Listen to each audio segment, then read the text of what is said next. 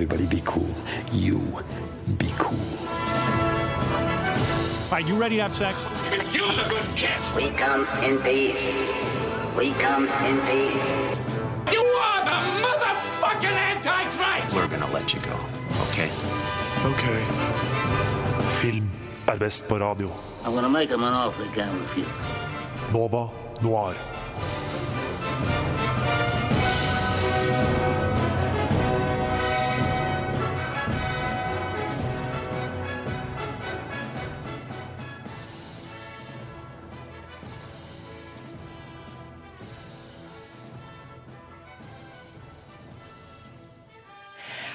Og god morgen til deg som hører på Radio Nova denne litt eh, gråe torsdagen. Klokka er ti, og som vanlig får du Nova Noir i dag med meg, Liv Ingrid Bakke, sammen med Hedvig Bø. og Miriam Fallan.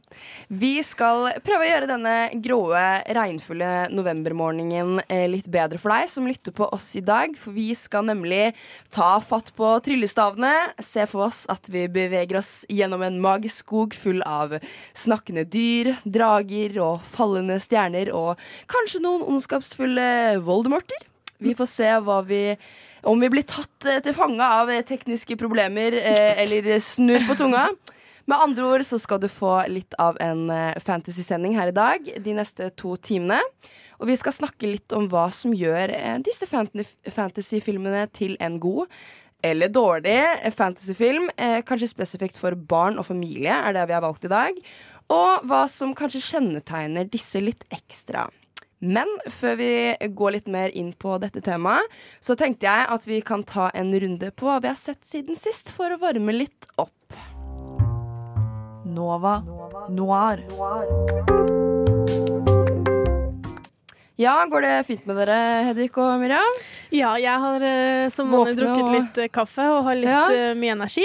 Gode, gode i gassen, da, begge Gode to, gassen. egentlig. Ja. Men uh, har dere sett noe gøy i det siste, da? Jeg har sett uh, Jeg tenkte på eh, hva, skal jeg, uh, hva jeg har sett, og jeg har sett en serie som jeg har så sykt lyst til å snakke om, men så kom jeg på at Sist jeg var eh, i live med Noir, som er ca. to måneder siden, så hadde jeg også sett den samme serien. Oh, ja. Men eh, fordi den er så sykt bra, da, da binget jeg den eh, da. og Så du har sett de samme episodene igjen? Ikke liksom en sesong til, men Nei, de samme jeg har sett de samme eh, åtte episodene, fordi det er serien Undone. Som er tilgjengelig på Amazon Prime sin strømmetjeneste Prime Video.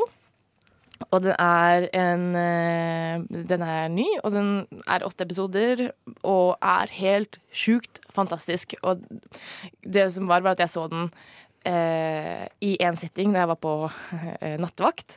Og så hadde jeg sånn immediately lyst til å se den igjen, og så var problemet at jeg hadde egentlig lånt Prime-kontoen til en fyr som jeg da datet.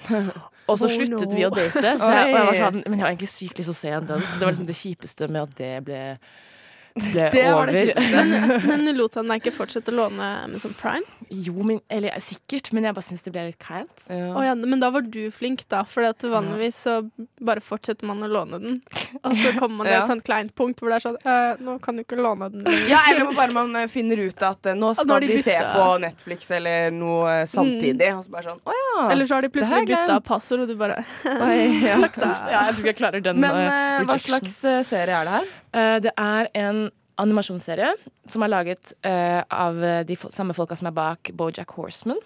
Okay, ja. uh, men den er mye mer realistisk på en måte, men den er også veldig sånn fantastisk også. Eh, men den er laget med en sånn teknikk som heter rotoscoping. Som er at man animerer over på en måte ekte Ja, film. ja, Da. ja. Eh, samme som Scanner Darkly og a-ha sin musikkvideo Take Mm. On Me. Eh, det, det som er så kult med det, er at man får et sånt enormt potensial i at man har eh, det ekstremt menneskelige som man får med at det er ekte mennesker, og ekte, eh, at det er trace over ekte mennesker. Man får liksom hele spennet av følelser og mimikk og sånne ting. Men samtidig så får man på en måte det grenseløse eh, på liksom, mulighetene man har med animasjon. Da. Og den serien spiller litt med på tid og rom og virkelighet og sånn. Så den, den, og bare den formen er sykt, sykt kul, og den er Jeg har lyst til å se den en gang til. Uh, en tredje gang, bare Ja. sånn med en gang, men nå må jeg pace, pace myself. Ja. Sånn var det når jeg så Euphoria òg. Det er sånn jeg nesten så jeg har lyst til å begynne på nytt. Når du så hva da? Ja, da er det sånn nå- Euphoria. Euphoria. Euphoria, Ja. ja, mm. Jeg har nevnt det en gang på sending. Men uh, Hedvig, har du også Ja, sett noen jeg har jo ikke hatt så mye tid i det siste, så jeg har ikke rukket å se noen serie om Nei, den. Selv om jeg aller helst har lyst til å begynne å se Atypical igjen. Men greia er Å, at jeg du, så det begynte jeg faktisk uh, på etter du sa det til meg. Å, den er så bra. Og så Eh, ja. så jeg den liksom Jeg, jeg binga jo hele nettopp, så jeg føler jeg må Jeg kan ikke begynne å se den igjen allerede. Nei, Så det- istedenfor så begynte jeg å se julefilmer på Netflix, for jeg tenkte kanskje jeg skulle prøve å komme gjennom noen av de. Så Hedvig, så er, det, er det desember eller november? Nei, men jeg tenkte Jeg satt hjemme, og så tenkte jeg at det er vel Ja, du gjorde vel det. Hva er det du driver med? Jeg leker med mikrofonen. Ja. Hva så du, da? Hvilke julefilmer så du? Er det liksom Love Actually? Nei, det de har jeg jo selvfølgelig sett ja. allerede mange ganger. Spar det Men så fort de kom på Netflix. Men Ja. eh, det jeg så, var eh, Let It Snow. Som jeg tenkte kanskje kunne være For at det jeg har en tendens til, å liksom uh, avfeie disse julefilmene på Netflix før jeg har sett dem. For jeg er sånn De kommer til å være shit. Okay. Så jeg tenkte, vet du hva, nå skal jeg gi den en sjanse. Så Ja. jeg så Let It Snow. And guess what, guys? It was shit. Å ja, jeg trodde du skulle si I love it. Ok, det, Det var var, shit. oh, men Kiernan. Shipka, baby, elsker henne fra eh, Hun spiller eh, Sabrina. Å ja. ja, ja, jeg syns jeg har sett fjeset hennes et eller annet sted. Men, Men, altså eh, har du vurdert å se den der? For jeg så den Claus. Har jeg Å, ja. hørt mye bra om. Og jeg, jeg sa Er den en tegneserien? Uh, ja, Ja. animasjon. Ja. Ja, så sa jeg til roomien min var sånn Kanskje jeg skal se den? Og han bare sånn Nei, det er litt tidlig. Jeg var sånn, å ja, ja, kanskje det er litt tidlig. Hun eh, Sara Larsson har en sang på den, veit jeg. Cool. Apropos uh, shit Netflix-filmer. Jeg må bare skyte inn shit sånn uh, jule-Netflix-filmer. Har du sett den med Vanessa Hudgens, hvor hun spiller to karakterer? Å, den har jeg faktisk lyst til å se! Så i fjor det kommer en toer. Oh my god, yes! Ja, men du, ah, du har sett den, Miriam? Ja. Ja, hva syns du? Den er jo helt krise. Ja, det er Men det det. er så gøy. Men den, Det så den syns jeg, jeg bare er sånn It's nothing. Hvis du skjønner. Den er ingenting. Den gir meg ingenting. Den er bare kjedelig. Den, Ja. Den er flat, ikke sant. Men jeg syns ikke den er så eh, på en måte på minussiden. Jeg syns bare den er helt på null. Mens Let It Snow begynner å nærme seg minussiden. Oi. Og da til sammenligning så for eksempel Leap Year, hvis noen har sett den. Det er ikke en julefilm, men det er en sånn eh, romantisk medie. Som på en måte Jeg tror, jeg mener det var den som på en måte reklamerte for seg selv som en sånn årets cozy film. Og jeg bare Den var altså så sjukt ræva at den var på liksom 50 minus. Oi. Og det Ja. Men jeg, nei, ja, men jeg syns at den derre eh, Nå må vi snakke veldig mye om den prinsessefilmen til Vanessa Hudgens, men det er så morsomt. Jeg, bare- jeg syns det er så gøy at de tror ja, er at de kan det komme det er, unna ja. med Ja, ja, å liksom eh, At hun er en Å, jeg er bare en quirky little shop owner. Og så møter hun en dame og sånn Oh, hello, I am the countess of uh, Euphoria Nei, Euphoria. eh, Det er ikke bare sånn Genevia eller ja. Genevia. Eh, Litt sånn som eh, sånn type Selena Gomez i Monte Carlo. Har du sett den? Nei, den så jeg her om dagen, faktisk. Den Gøy. Åh. Men jeg så faktisk eh, Last Christmas med hun Emilia Clark. som jeg hørte den har jeg lyst til å se. ja, på pressevisning. Jeg anbefalte den Nei, eller jeg anmeldte den ikke, for jeg visste ikke helt hva jeg syns. Jeg vet fortsatt ikke helt hva jeg syns. Jeg kan forutse hele er filmen liksom- akkurat nå, Jaha, hvis vi har tid. ok Ja, jeg har tid. Men jeg har tenkt mye på det. Det er ikke, ok. det er ikke akkurat nå. Jeg har okay, tenkt mye på. på det, Men jeg har ikke sett den. Men Emilia Clarke eh, sin karakter er sånn Be, livet er kjipt, derfor så røyker jeg og drikker. Eller, og julen julen er aller verst. Og julen er verst fordi da er alle så glade, og ingen burde være glade. Fordi at det som skjedde med henne, var at hun var en forferdelig eh, Hun hadde en forferdelig sykdom da, eller et eller annet forrige Ja. år, så hun var på sykehuset. Det ser man i traileren. Grunnen til at hun er så kjip nå, er for at hun har sånn, ikke tro på livet. Og så møter hun en fyr som er sånn Å, jeg skal hjelpe henne til å liksom se hvor bra livet er. Uh, og det er han fyren som er fra Crazy Rich Asians, som spiller Ja. han. Og det det viser seg, da, er at han ikke er et menneske, men spirit Nå kan ikke Hør, du Nei, spoile det er ikke spoiler, for jeg har ikke Det sett den! Det er ikke en spoiler når jeg Ok, ikke har sorry, sett den. nå var det Hør jeg som spoiler. Hør nå. Det er ikke en spoiler når jeg ikke har sett den. Ja, du spoila. Okay, sorry. Han er the spirit av mannen som donerte hjertet sitt. Han døde, og så fikk hun hjerte, en hjertetransplantasjon. Oh, wow. Fordi last Christmas I gave you my heart, and the very next day you gave it away. Så ikke gi bort hjertet mitt, er det han sier til henne. Boom! Det var hele filmen. Sorry, Ja, sorry Emma Thompson. Eh, men you basic. Det er helt riktig. Riktig, altså. Det er ti poeng Det er til deg. ikke lov. Og, ok, Slutt å spoile liv. Unnskyld, da! Du må ikke bekrefte. Nei, jeg bekrefter ingenting. Jeg bare sier nå er du på randen til å spoile her. Ja, det er ikke er- lov. kan ikke spoile når jeg ikke har sett den! Og det er ikke lov Nei, men, å eh, kalle Emma Thompson og Nei, si okay. til Emma Thompson You're basic. Ok, Unnskyld, jeg tar det veldig tilbake. Jeg skammer meg. Ja. Men i den filmen, Det er fortsatt du Emma er det. Thompson. Ja. Your film is basic. Your film is basic. Ok. Jeg gleder meg til å se den, i hvert fall. Ja. Nok om julefilmer. Eh, Hedvig, vi hadde jo eh, rushtidssending eh, eh, her for litt siden når det var Novas eh, Vap. Og da nevnte jo jeg at eh, jeg skulle prøve å Går det bra, Mira? OK. Jeg sa jo det at jeg skulle prøve å, å skaffe meg kattunge. Eh, og den er jo nå i hus. Eh, og jeg Ja, den er veldig søt. Og jeg kjenner jo veldig på et slags morsinstinkt, jeg nå. Så uh, jeg tok meg fri fra skolen på mandag for å være hjemme med katta. For å liksom bli kjent med den. Uh, og da måtte jeg ha noe å gjøre mens jeg drev og vifta liker du å spise? Nei. Jeg eh, gjorde det som en eh, god mor gjør. Eh, jeg satt på eh, animasjonsfilm, så jeg så på Min bror Bjørn. Ja! Katta så på meg og kosa seg. Og etter det så bare sånn Nå må vi finne på noe igjen. Vi setter på Tangled! Altså to på rømmen. Så. Så jeg kunne jo nesten ikke vært mer for, klar for morsrollen, for å si det sånn, når jeg sitter der og med katta mi og se på Mm. Ville ikke animasjonsfilmer som jeg uh, elsker. Men jeg ville ikke tatt morsrolletips fra Tangled. Hun er jo verdens verste mor. Ja, nei, nei, men at jeg Ja, det er for så vidt sant. Det er sant. ja, jeg kanskje, litt, kanskje er litt sånn. Jeg var skikkelig sinna på katten i dag. For de jobber hele tiden. Konstant. Jeg blir sånn Hva er det for noe? Jeg er jo her! Du du har- mat, du har en dass, Men- du har leker. Du har fanget den. Det var akkurat det samme som i Tangled. Moren Ja. i Tangled er jo sånn Du trenger jo ikke mer enn dette lille rommet. Ja, men Det jeg det prøver jo å få den til å gå ut på balkongen, men han vil ikke. Han tør ikke. Men uansett, da. eh, Det er i hvert fall det jeg har sett siste. Men jeg må nevne at eh, jeg ser veldig mye på sånne norske serier eh, for tiden. Så jeg begynte å se Skitten snø på NRK, hvis dere har eh, sett eh, noe til det.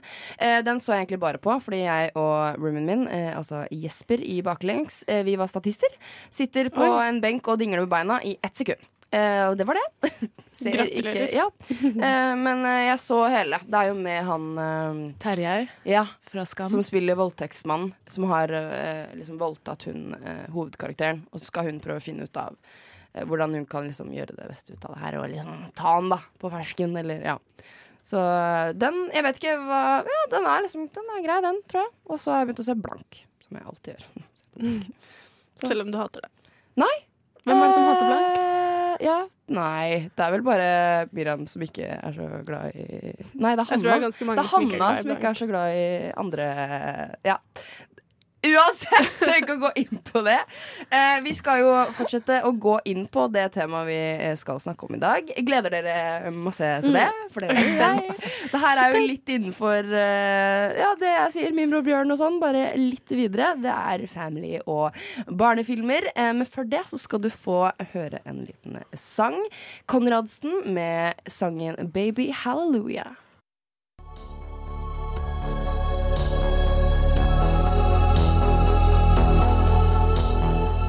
Du lytter til Nova Noir.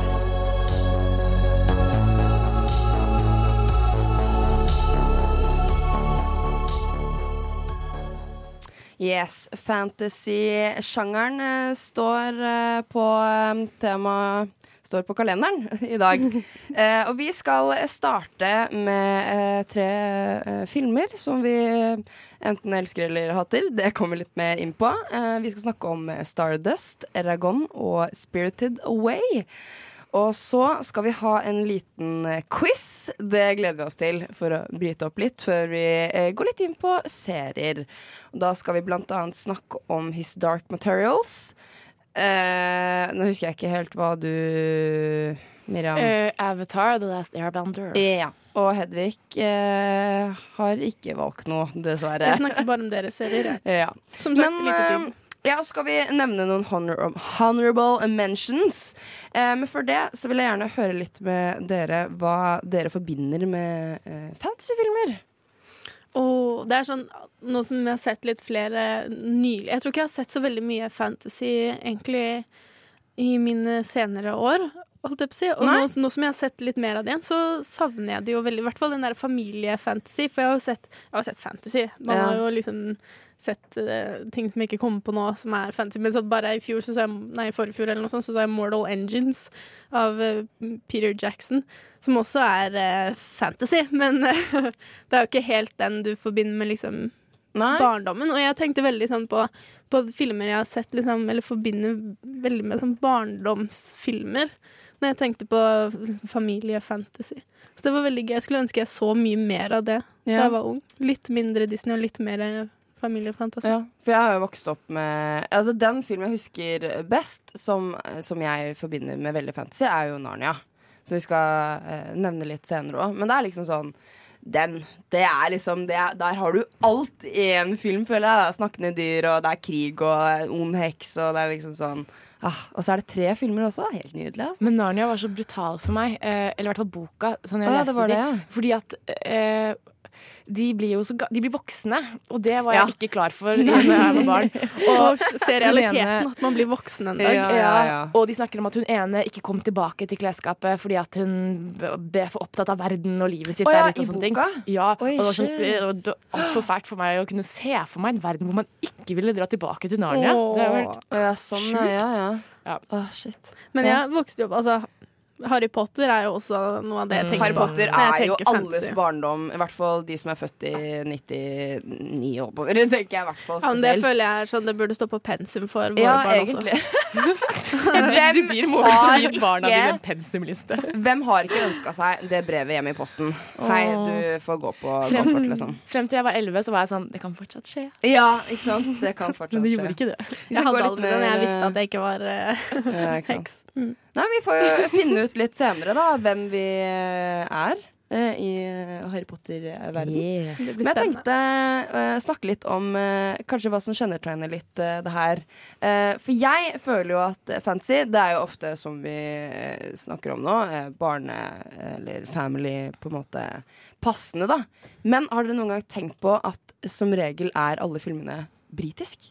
Altså det er britisk Ja, alle de eh, største Alle de vi nevnte nå, er jo britiske. Narnia, Eragon, Stardust Harry Potter, eh, Paris Ringenes of. Caribbean er ikke Det er jo vel American. kanskje Ja, Ja. den er Men den føles jo kanskje litt hakket mindre fantasy enn i hvert fall Narnia, da. Nei, er uh, Paris of Caribbean amerikansk? Ja. Ja, Nei, men ja, de snakker, De snakker britisk, men det er fordi Ja, de at det er britisk, jo ja. under ja, for det var det jeg tenkte. Fader, det gjør de jo. Ja, ja, men da er jo de Da snakker de jo også Mm. britisk. Som egentlig ikke eh, Bare en liten innvending der, som egentlig ikke gir mening. Fordi at den amerikanske dialekten er faktisk nærmere den britiske dialekten som var før i tiden. Oh, ja. Mens britenes dialekt som er nå, er eh, den som ikke er liksom den original. Eh, sånn at Pirates of the Caribbean er faktisk ikke historisk korrekt.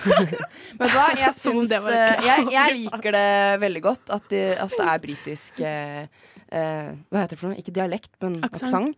Eh, det bare gjør det så veldig koselig. Sånn spesielt Narnia, som er litt eh, in, sånn 19 pil og bue, et eller annet eh, før i tida. Så er det veldig sånn eh, Man kjenner, kjen- kan liksom komme litt inn i hvordan det var før i tida. Og at det er, jeg syns det er veldig koselig. At Så jeg synes det er veldig falsk passende. følelse av gammeldagshet. Ja, så blir, blir jeg veldig sånn inspirert. Jeg, har lyst til å begynne, liksom- jeg tror jeg har kanskje begynte å prate litt sånn britisk selv. Oh, you know, Lucy Pevensey, you know. Altså, sånn, alt sånn der. Men hva Men jo- tenker dere? Jeg tenker jo veldig på sånn man drar på en reise. Ja, det, ja. Så det er et eventyr, på en måte. Noe sånt. Ja, eh, og man er liksom eh, alene for første gang, eller mm, kan Ja. for første gang, kanskje. skal være selvstendig og plutselig Eller bli sånn tvunget da, Mm. til å eh, finne ut av ting selv. Og oppleve en helt ny mystisk eh, verden med nye regler og nye ting som man må klare, da. Mm, og sånn familiefantasi spesielt. Eller fantasy, jeg vet ikke om det heter fantasi på norsk. Heter det det? Det er liksom sjangeren? Kanskje. Jeg tror det. Ja. Ja, Men uh, jeg sier det, ja. fantasi. Familiefantasi. Sånn at det er liksom eh, Det er jo ofte unger for at man skal kunne relatere til det som barn selv, og så eh, som møter på utfordringer som de må på en måte eh, gripe tak i sine innerste egenskaper for å klare å, å overkomme, da. Og at man liksom Det er ofte sånn derre eh, ja, å bli til, liksom. Og bli, Ja. måte, å vokse, da. Det er ofte en sånn dannelsesreise også, på en måte. Like mye som det er et eventyr å ut og oppdage morsomme ting, så er det like mye sånn de lærer å liksom ta ansvar og hvem de selv er, og de lærer seg selv å kjenne på reisen. Så det er jo veldig sånn Jeg syns det er en viktig del av det, da, den der å kjenne på at man liksom vokser av det. Så, og så får jo barn som ser på det, da også noen å se opp til. Sånn vil jeg være, jeg vil være som den, eller jeg vil være som den. Og så kjenner man litt på det selv, hvem man er, da. Jeg syns det er en viktig del av eh, sånn barnefantasi. Mm, Familiefantasi. En annen ting jeg elsker med sånne filmer, er jo eh, filmmusikken. Mm. Eh, jeg er veldig glad i filmmusikk. Elsker Hans Zimmer og James uh, Newton Howard og Harry Gregson. John Williams. Ja. Mm, han er god. Og eh, Nei, det er så mye Altså, jeg har jo en egen liste med bare liksom sanger fra Press of Caribbean og Maleficent og uh, Hva heter den nye Å, herregud, nå står det helt stille. Den nye Harry Potter Fantastic Beasts. Ja! Der er det også et par bra sanger og Nei, jeg syns det er skikkelig koselig. Jeg synes bare Jeg er jo litt sånn Jeg syns jo filmmusikk eh, gjør en eh, god film. Det har Det- veldig mye å si. Sånn er det jo på en måte i alle filmer, at eh, god filmmusikk gjør filmen bedre. Men i fantasi så er det så viktig at den, er at den skaper den der ekstra stemningen sånn som trekker deg inn i verden. magisk og liksom sånn bra Ja, nei, det er så veldig fint. Det er jo jeg Fant ikke så mye jeg, Eller jeg fant ikke Eragon-musikken på Spotify. Men jeg syns koselig, koselig filmmusikk. Passende, liksom. Det liksom Mener sånn, du Avril sånn- Lavigne Keep Holding On? Den også! Den har jeg begynt å høre på igjen. Den fant jeg. Ligger, ligger faktisk i eh, playlisten min sånn for real. At det, det må jeg bare si Det kommer jeg til å si etterpå. Jeg kan egentlig si det nå, siden vi ender på det. Men det gjorde filmen. Altså, jeg tror kanskje Nei, vet du hva, jeg tar det etterpå. Jeg tar det etterpå, jeg. For det er liksom litt av argumentasjonen min på. Eragon. Men uh, før vi skal inn på Eragon, så tenker jeg kanskje du vil eh, starte med din uh, film, Hedvig, nemlig Stardust. Men før det så skal du få høre en liten sang. eh, All The While med Goya. Nova Noir. Du hører på Nova Noir her med Liv, Hedvig og Miriam. Og Hedvig, du skal eh, ta Kick og off. snakke om eh, den aller første eh, eventyrfantasyfilmen Ja. vår. Ja, for eh, jeg føler at alle har hørt om Stardust-filmen. Jeg føler at den blir snakket om veldig mye. Og så var det ganske Jeg har sett den en gang for lenge siden, hvor jeg husker at jeg var veldig sånn What is this? oh, ja. og så Du så den når du var litt yngre, liksom? Ja, eller jeg var liksom 19. For den er fra 2007, den er fra ja, ikke 2007. sant? Oi, der. Og den er jo basert på en roman av Neil Gaiman, som er en av mine favorittforfattere. Jeg har hørt på veldig mange av bøkene hans, og også Stardust. Så nå var jeg veldig interessert i å se den igjen, for at nå har jeg lest boka og kan historien. Um, og filmen er jo regissert av Matthew Vaughn. Han har også regissert First Class, X-Men First Class Hey. og Kingsman-filmene. Så Oh. han har jo laget eh, mye bra. Uh, og mye ikke så bra, sikkert også. Men, men filmen handler jo da om Og boka handler jo om um, Tr Tristan Thorne. Eller Thorpe, eller Thorn, Ja. som eh, legger ut på reise for å finne en fallen stjerne som han skal gi til sin største kjærlighet for å bevise sin kjærlighet. Og så på veien så møter han jo på mange hindringer og mye hjelp eh, også. Og samtidig så ser vi også i dette her kongeriket som ligger utenfor eh, The Wall, som går rundt eh, landsbyen hans. Så utenfor The Wall så er det liksom et sånt magisk rike som heter Stronghold, og det er jo der stjernen faller, og det er ut dit han må gå for å finne, finne den. Og samtidig så ser vi også eh, liksom eh, veien Altså noen sånne prinser som slåss om å få bli den neste kongen av Stronghold, og de må slåss med hverandre, og de må ha tak i en sånn, et halskjede som tilfeldigvis denne stjernen også har på seg. Sånn at det, han møter jo, Tristan møter jo da på veldig mange hindringer på veien, og samtidig så er det også tre hekser som prøver å få tak i hjertet til stjernen. Så du kan jo se for deg at det er mye hindringer på veien. Men det er det som gjør at den er veldig bra, da, og det som putter den veldig sånn dypt inn i fantasy-sjangeren, er jo det herre utrolig um, Prøv å komme på det norske ordet. Elaborate. Altså det er jo et Uh, Nå mista jeg det. ja. Det er et sånt stort univers som har politikk og eh, forskjellige typer konflikter og eh, at det er mer enn bare den der lille reisen som han skal på for å finne kjærligheten sin. Det er, det er liksom, eller for å vinne kjærligheten til Victoria, da. Mm, jeg føler at det er også den der eh, interessekonflikten som eh, dukker opp, også på en måte har veldig sånn sterk på måte bånd i fantasy-sjangeren. For det er liksom, du må slåss med konger og hekser og for å få liksom det du skal. Også, også den at det handler om at han skal vinne sin store kjærlighet. Mm. Det er også veldig sterkt forplantet i fantasy-sjangeren, føler jeg. Ja, og så tilbake til det vi snakket om i stad. Sånn, han finner jo også seg selv på veien. Ja. Og da blir selvstendig og Og det er Jeg syns jo han Tristan starter litt sånn Han starter litt sånn klønete og litt sånn Ja. med store drømmer Ja, og litt sånne ting. Også på men, han men virker veldig snill, da. Sånn veldig snill, men sånn, også ja. veldig sånn eh, Litt sånn bestemt på dumsnill, Ja. hvis du skjønner. Ja.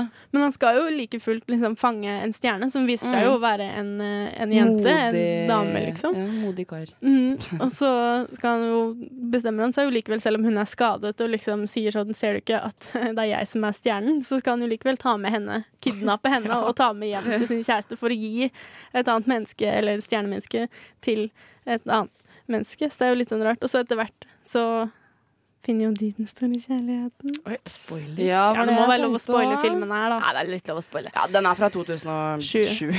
Så så det må være lov. Ja. Men eh, nei, jeg syns den også at det bare at det er et magisk kongerike, og liksom Jeg syns det er så mye jeg bare Jeg reagerte veldig på de eller reagerte og reagerte, men de, når de eh, mennene som prøver å få tak i det smykket, dør, og så bare ender de opp med å være en sånn hvit skikkelse. De er De er spøkelser. Ja, De- sånn de sier- Det de forklarer har jeg aldri sett før. Å ja. Oh, ja. Det syns jeg var litt Jeg syns jo det på en Oi, måte det, ok. Jeg synes det, det jeg liker veldig godt med denne filmen, er jo alle de fantasy-aspektene som Ja. på en måte kommer sammen igjen, men også liksom Utviklingen man ser, og de morsomme karakterene. Sånn som Robert De Niro spiller jo kanskje tidenes beste rolle som en litt sånn eh, Hva heter det? Eh, Crossdressing? Hva heter det på norsk? eh? Nei, jeg er dårlig på norsk. En eh, mann som tidvis liker å kle seg i dameklær, og ja, egentlig sånn, sånn 1800-talls Nei, egentlig 1600-talls eh, kongeklær med sånn Han tegner på sånn føflekk på kinnet, Ja, og sånn sånn hvit, ansikt. Ja, sånn Marie Antoinette. eh, Hjerte på kino danser rundt og hører på klassisk musikk mens han er kaptein over et veldig sånn hardbarka skip som fanger lyn. Liksom, som høster lyn og selger. Men også synes jeg altså, det som var fint med den, at det var til tross for at den her var laget Når var det du sa? 2007? 2007? Så var det sånn Det var jo aldri liksom på bekostning av den karakteren. Det var ikke sånn der, ha-ha, lol, så sykt teit at han eh, driver og er så fjollete og sånn. For den karakteren er egentlig bare kjempefin. Og Det er så mange gode sånne beskjeder i denne filmen. Sånn som når han, han blir jo da til slutt oppdaget. Han prøver å holde liksom en fasade for resten av crewet sitt, men så eh, på en måte blir han oppdaga. Og så sier hele crewet sånn, fordi han er veldig redd for at han skal miste ryktet sitt som den tøffe kapteinen. Han heter forresten Captain Shakespeare. ja. han tenker jo liksom den store forfatteren fra 1600-tallet, mens crewet, han tror at crewet tenker liksom Shakespeare, som i spyd, liksom hardbarka. Og så sier crewet sånn Vi har jo alltid visst at du er litt sånn De sier jo litt sånn merkelig eller noe sånt noe. Og så, De er bare så hjertevarme. De er sånn, Vi har jo alltid visst dette, men du er jo fortsatt kapteinen vår. Og så Ja. gjør de sånn, eh, sånn eh, greia deres var sånn, sjørøver sammen, og det er bare så søtt. Og jeg syns bare det er så mange sånne gode karakterer som på en måte vinner det over. Og da også det aspektet med litt sånn Litt sånn tillagt humor her og der, sånn som Jeg husker ikke helt hva som skjer, men de spøkelsene, når det er den store slåsskampen inni slottet til heksene, så sitter spøkelsene på siden og liksom Ja, det var kjempebra. Det var skikkelig bra kick, ass. Heier, Ja. Ja, ja, ja. jeg syns det er så festlig. Så jeg synes liksom, ja, jeg liker den skikkelig godt. Jeg syns den er skikkelig søt. Jeg syns Tristan bare er supersøt. Han blir Ja, bare søtere og søtere gjennom Ja, hele filmen. Og så litt humor, og så hekser, og ja. Og Michelle Pfeiffer, en av hennes veldig sånn gode Hun spiller jo aller best når hun spiller litt sånn ond Ja, fantasy. det er riktig, det. Ja, ja, hun, ja.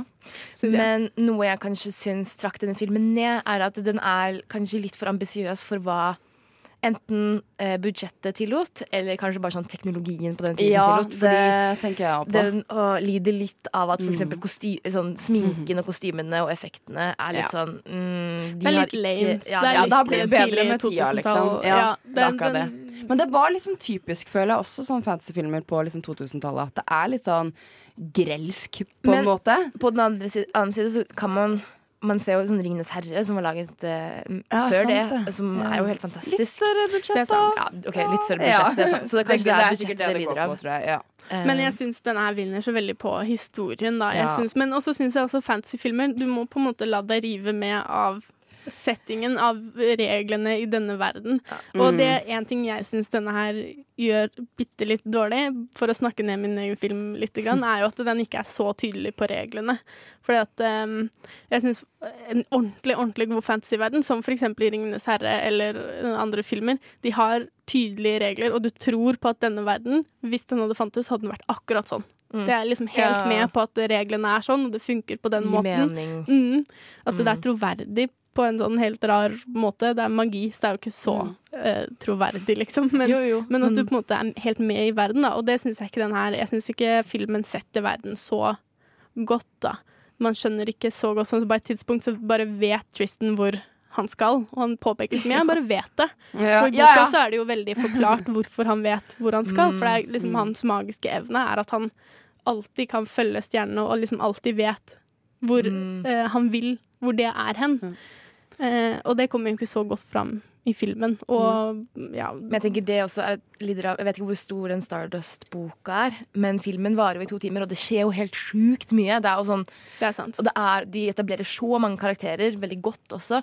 Og eh, Så det, det er vel kanskje sånn Jeg vet ikke hvis det hadde vært en serie eller to filmer, da. Eller noe Så hadde det kanskje, kanskje bedre blitt forklart. Jeg tror nok det. Men alt i alt så syns jeg jo at det er en uh, veldig veldig søt fantasyfilm som på en måte er lett å la seg rive med i, men du må også la deg rive med for at du skal på en måte verdsette den for Ja. det den er. da. Jeg tror man kan fort se den og tenke ei, ei, ei. Ja, men det er, jo, det er jo et godt eksempel da, på hvordan en fantasyfilm uh, for eksempel er. Og uh, det er jo de som har litt engasjement for fantasyfilmer, som kanskje liker den her litt eh, ekstra. Og så vil jeg også påpeke at det, Henry Cavill gjør en liten cameo som Humphrey. Ja. Og det, jeg satt og så den bare Er det er det verdens kjekkeste mann som jeg ser uh, her sånn? Han var ikke kjekk i den. Han er ikke så kjekk i den. Jeg, bare- jeg syns jeg kjenner igjen den eh, Hva heter det? Kjakan. Sjakan. Den, jeg prøver ikke å bruke så mye engelske uttrykk, men the jawline. Eh, Sharp. Jawline, yeah. Nei, men eh, Og så var det det, da. vi skal gå videre til eh, Eragon, eh, faktisk, eh, om noen eh, få strakser. Men før det så tenker jeg vi kan eh, høre på litt eh, deilig musikk. Her får du Bård Berg og Kristin Myhrvold med låta 'Addicted'. Du lytter til Nova Noir på Radio Nova. Yes, vi kjører videre her uh, i fantasy-verden. Uh, jeg skal nå snakke litt om uh, Eragon. Uh, det her kom jo før Game of Thrones og alt det, så drager er jo det største elementet i den eh, filmen her. Eh, det er også en ganske gammel film fra 2006. Eh, også basert på en roman eh, som heter Eragon av Christopher Paulini Paolini. Jeg må bare si noe med en gang at eh, egentlig alle fantasyfilmer er jo basically basert på romaner. Hvis dere Har dere tenkt på det, egentlig? Det er bare sånn, Ganske ofte, i er hvert fall. sånn Ikke til å min, som vi skal snakke om etterpå. Men sånn uh, Narnia og liksom Alt er bare sånn roman. Uh. så jeg må bare si jeg har ikke lest uh, boka. Det hadde du, Det har jeg, og jeg. Edvik. Ja, det er begge dere to, ja. ja. Men, det er har dere sett filmen? Ja. Ja, dere har sett filmen da. For jeg kan jo bare snakke om filmen. Uh, som regel er det jo boka alltid bedre enn filmen. Men jeg kan ikke si noe på det. Uansett, eh, veldig kort og godt så handler Eragon om en eh, fattig bondegutt som bor i den fiktive verden eh, Allegatia. Eh, han finner en dag et, stort, eh, et ganske stort eh, blått eh, drageegg som plutselig klekkes, og det er en liten, veldig søt drage. Um, som eh, er inni det egget, og livet hans blir da plutselig snudd på hodet. Mildt Eller sagt. opp ned, da. Eh, Så slår han seg sammen med en eh, kar som heter Broom, og de tar opp arven etter de legendariske dragerytterne. For Eragon har jo hørt at han Broom har snakket litt om det å være dragerytter, og at det på en måte ikke er en greie lenger. Men boom, plutselig! Han Eragon har blitt dragerytter, finner ut at Broom også har vært dragerytter, men dragen har blitt eh, drept, dessverre.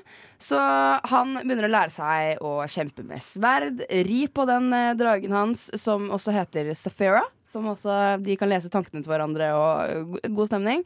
Eh, magi lærer han seg, eh, og dette for å hevne seg mot eh, de som står ansvarlig for familiens død. Eh, Kong Albatorx uh, skjønner jo at uh, det er en ny dragerytter som blir født. Og dette liker jo ikke han, så han prøver å få Eragon til å altså, bli drept. Og det, det er det filmen handler om. Da. That's the plot. Um, jeg må uh, si at uh, jeg uh, Det er veldig lenge siden jeg har sett den filmen. Jeg så vel kanskje filmen rundt sånn 2007-2008. Eh, aner ikke hvor gammel jeg var da, men eh, sikkert barneskole eller noe. Eh, og det var det jeg skulle si i stad, at jeg tror Altså, jeg likte den filmen veldig, veldig godt, men det var fordi jeg var veldig, veldig obsessed med drager på den tida. Det eneste jeg gjorde når jeg var ung, var jo Ung! Fortsatt ung, men når jeg var liksom eh, barn, da. Så satt jeg bare og tegna drager. Og jeg vet ikke om det er av den filmen her, eller om det var før at det var derfor jeg liksom Å, den filmen her er nice. Men jeg var helt obsessed med drager, liksom. Det er sikkert my spiritual animal, eller et eller annet sånt der.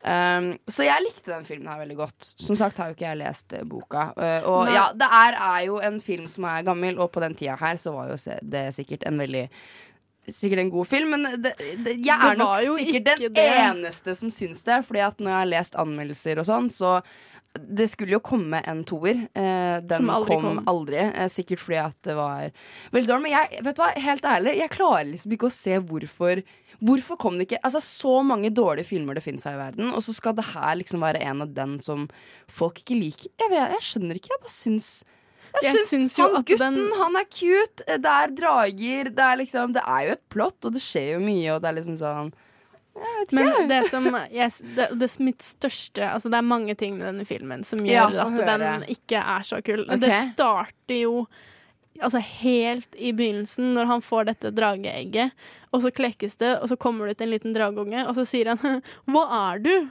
Nei, jeg vet ikke. Ah, ja, ja, du, det reagerte jeg litt på når jeg så den, eh, Når jeg så den nå veldig nylig. Så var jeg litt sånn herre Ok, Reaksjonen hans på at det er en drage, er litt sånn eh, er liksom ikke- Han, han burde jo sånn, være litt mer sånn oi, så What kult». the fuck er Ikke det sant? her, liksom? Sånn at, at, og jeg føler at det, det går igjen i sånn Ja, det- hele men filmen. at enig i, faktisk. At er helt enig karakterene Du kommer ikke under huden på karakterene i det hele tatt. Og jeg husker så godt jeg, Det er veldig lenge siden jeg leste boka. Jeg leste den flere ganger, men jeg husker det veldig dårlig. Men det jeg husker, er den følelsen av at Brom, han var liksom Han var my hero, liksom. Min, Ja, okay. min guide, min leder Ja, i livet, og også da Eragon sin leder i livet, og liksom så kjærlig og hjertevarm. Og de prøver liksom å spille på det i filmen også, men så kommer det bare ikke gjennom, og jeg føler ikke at noen av karakterene kommer igjennom. De er så på en måte overfladiske, men så prøver de å late som de har trukket deg inn, sånn som når han eh, gjentar den derre eh, en del mot og tre deler tosk ja. som, som liksom blir en sånn saying de har seg imellom, så kjenner jeg bare at det, det, det går ikke inn, ass. Det, det, blir, det, blir, blir så fake. Okay. Det er som om jeg er en person du ikke liker, og så prøver du å liksom si noe hyggelig til de, og så føler, Det er liksom den feelingen jeg får av de karakterene. Du kommer bare ikke under huden på de. Sånn at når uh, spoiler alert Brom dør, så er det jo veldig trist når han liksom får Og det er så klisjé, og det er så åh, nei. Jeg syns det kunne får- vært tristere, faktisk. Det kunne vært mye tristere. Og når han får liksom fly på dragen en siste Ja. gang sånn fordi han skal liksom kjenne på hvem han var og sånne ting, så fint, ja. er det trist, så klart. Men det jeg, det jeg syns var mest trist, det som på en måte det eneste jeg kjente på sånn connection til Brom, er at han, har en, at han har en veldig fin hest som han rir på veldig pent. Og du kan se at han har ridd før, og da ble jeg stolt. Oh my god. Ok. Og det var liksom det eneste. Men da skjønner du når det er det eneste som connecter meg til karakteren Ja, ok. Brom i den filmen her. Og så var det uh, mest trist for at han var så god ja. i boka. Og det er liksom det jeg husker, sånn, bare den følelsen av at han var så fantastisk. Han liksom blir bare bedre og bedre. Og så Men jeg, jeg vil bare si, for jeg tenker at det her kunne sikkert vært en god film, men da er det kanskje regi det står litt uh, mest på. Hvis Mm. boka er uh, god. Jeg har eh, noe å komme inn på der. Ja. Eh, fordi, ok, no, Det som du snakket om i stad, med Stardust, og hvordan den manglet litt At de etablerer reglene for universet, syns jeg Det er jo ingen Det regler. gjelder så sykt for Eragon, og det gjelder også for bøkene. At det bare plutselig så kommer det plutselig noe sånn helt annet eh, som eh, er et eller annet sånn stor greie innenfor det universet, men som bare ikke har blitt nevnt før bok tre. Eh, Ja, lol, jeg har lest mer enn bare bok én. Men bøkene er Du må ha likt noe mer, tenker jeg. da Ja, jo, men jeg ble jo selvfølgelig veldig revet med, men det er veldig mange sånn eh, ting som er så ukonsekvente, Ja. og at ingenting blir definert, og at det bare liksom går som det kommer. Og en grunn til det tror jeg er at han som skrev de, var sånn 16 år da han skrev den første Det er også sant. Han er kjempeung, og derfor så er det jo egentlig veldig kult at han klarte å skrive en, en bok som var så bra, men den lider jo veldig av at den er veldig formalistisk. Og så er den veldig, veldig har trukket på inspirasjon fra andre Ja. filmer og bøker. Litt Altså, sånn fanfiction. skyggen, eller skuggen, Shade, han har urguler. Eh, Jeg bare nevner en liten Ja, bo- gjør bokofilm som heter Lord of the Rings, som har noe som heter Uruguayer.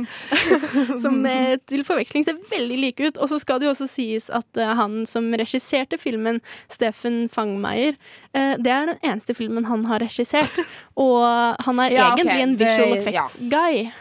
Så sier Karrieren døde etter Eragon. Oh yes. Men uh, jeg tror kanskje det som gjorde mest at jeg likte den filmen, her det, er- det det som er musikken. Den tar meg. Så når uh, Avril Lavigne kommer med sangen uh, 'Keep Holding On', jeg tror det var det som bare fanga meg. Bare sånn, Ja. ok, shit, den, den eh, filmen her er bra. Men jeg Så kan er det se at man blir revet med. egentlig. Men jeg er som sagt veldig glad i drager. Det har sikkert noe med det å gjøre. Og så er det et annet sånn fantasy-element som vi ikke har vært helt inne på ennå, men som kanskje også gjør at man blir dratt inn i den filmen, er det derre eh, The Chosen One-elementet, som er veldig typisk i sånne typ- ja, filmer. Og, og man blir jo litt revet med det, for alle som barn sitter jo der og er sånn Jeg skulle ønske jeg var The Chosen One, og hadde plutselig så du er bare en fattig gutt på en gård, og så plutselig så kommer det noen og sier sånn Du er den eneste som kan Ja. Og det er, jo det, samme, det er jo akkurat det samme i Stardust, Det at han er den eneste og den utvalgte. Nei, men Jeg tror eh, Jeg står egentlig fortsatt litt for at eh, jeg kan fint se den uten problem. Men sikkert fordi at eh, jeg så den når når jeg var liten. Og, ja, det er nostalgi. Og drager og Keep Holding On med Avril Lavigne. Så ja, jeg kan anbefale det. Nå skulle vi vel kanskje gjerne er- spilt uh, Ja, vi Avril skulle gjerne gjort men det, men uh, i stedet så profilen. skal du få en annen sang som uh, Jeg vet ikke om den passer helt, men du får dømme det selv. Her får du Mentum med låta All Night. Du hører på Nova Noir. Who do you think you are, anyway? Handsome, destroy you. Yay! hele mikrofonstativet mitt bare falt ned. Uh, Magnus, hjelp. Hva var det du sa i starten av sendingen, Liv, om teknisk trøbbel? Vi har en liten hindring her i dag. Uh, jeg vet ikke om det var noe eh, sånne Hva heter de der gjenferd... Oh, det var definitivt et spøkelse. Takk. Poltergeist. Ah. Du får ikke snakke, Miriam. Jeg har ikke lyd på min mitt nå. Så moro, da. Jeg kan bare styre hele showet, jeg. Vi skal snakke om Spirited Away. do Det jeg skal si OK, vi starter på nytt. Beklager det. Klokka nærmer seg 11 her på Radio Nova, og eh, vi i Nova Noir skal fortsette å bevege oss litt dypere inn i fantasiverden. Håper vi kan dukke unna av eh, disse spøkelsene som kommer og prøver å ødelegge litt eh, for oss her i sendinga. For vi skal nå målet, målet vårt med å få oss gjennom snakke om disse filmene. Jeg håper du, har, du som hører på har funnet deg en deilig kaffe og ta noen slurker av, for nå skal Miriam nemlig snakke litt om en ganske kjent og hørt rykter om en veldig god film, nemlig Spirited Away, eller som jeg husker den som, Shihiro og heksene. Som er en av mine all time uh, favorittfilmer. Den er um, Ja, det er kanskje den mest kjente eh, animefilmen, eller animasjonsfilmen fra Asia. Liv, hva ler du av? Jeg sånn Jeg er så treig med å tenke seg Jeg tenkte på det stativet som falt ned. Det er jo passende til hva jeg har sagt, liksom. Men bare fortsett. du. Jeg må høre på deg, for jeg har jo ikke sett den filmen, så jeg er veldig spent Ja. på Så På eh, det er Hiam, uh, Ja. Haya, Hayao Miyazaki som har laget den, og han er kanskje Asias mest kjente regissør. Han har laget eh, Minabo Totoro, Prinsesse Mononoke, eh, House Moving Castle og ja. eh, Hvis man ikke har sett noe anime, så har man fortsatt sett uh, Miyazaki-filmer, som oftest, fordi de er de største. Mm. Det er på en måte ah, kan, Det er litt teit å si, men man kan kanskje si at det er liksom Asias Disney, da. Ja, det er det jo. Eh, Som er Studio. Ghibli. Ikke han, Ja. da, men studio Mm. som han var med og skapte. Ja. Lurer jeg på? Spørsmålstegn. Spørsmålstegn. Vet ikke. Uh, og uh, Shiro og heksene er også den første animasjonsfilmen som eh, Japanske animasjonsfilmen som har blitt nominert til Oscar og også vunnet. Eller sånn første animasjon, eh, animen som ble nominert til en Oscar og også vunnet for beste tegnefilm. I 2003. Mm, Men den ble laget i 2001 og er et mesterverk. Den, Mesterverk. ja, moderne mesterverk. Definitivt. Som veldig mange av an andre av filmene hans. Men jeg syns at dette er hans aller beste film, og eh, grunnen til det er fordi at den kombinerer eh, så godt det eventyrlige og magiske med eh, det liksom menneskelige. Og det syns jeg er det fineste når fantasy gjør det. Og den handler jo da om Shihiro, som er en ti år gammel jente som eh, eh, drar med familien hennes de skal flytte, og så kjører de seg vill i skogen, og så finner de et sånn svært område som eh, de tror er en forlatt eh, fornøyelsespark. Men som da viser seg å være et sånt badehus eller spa-sauna for guder og eh, ånder.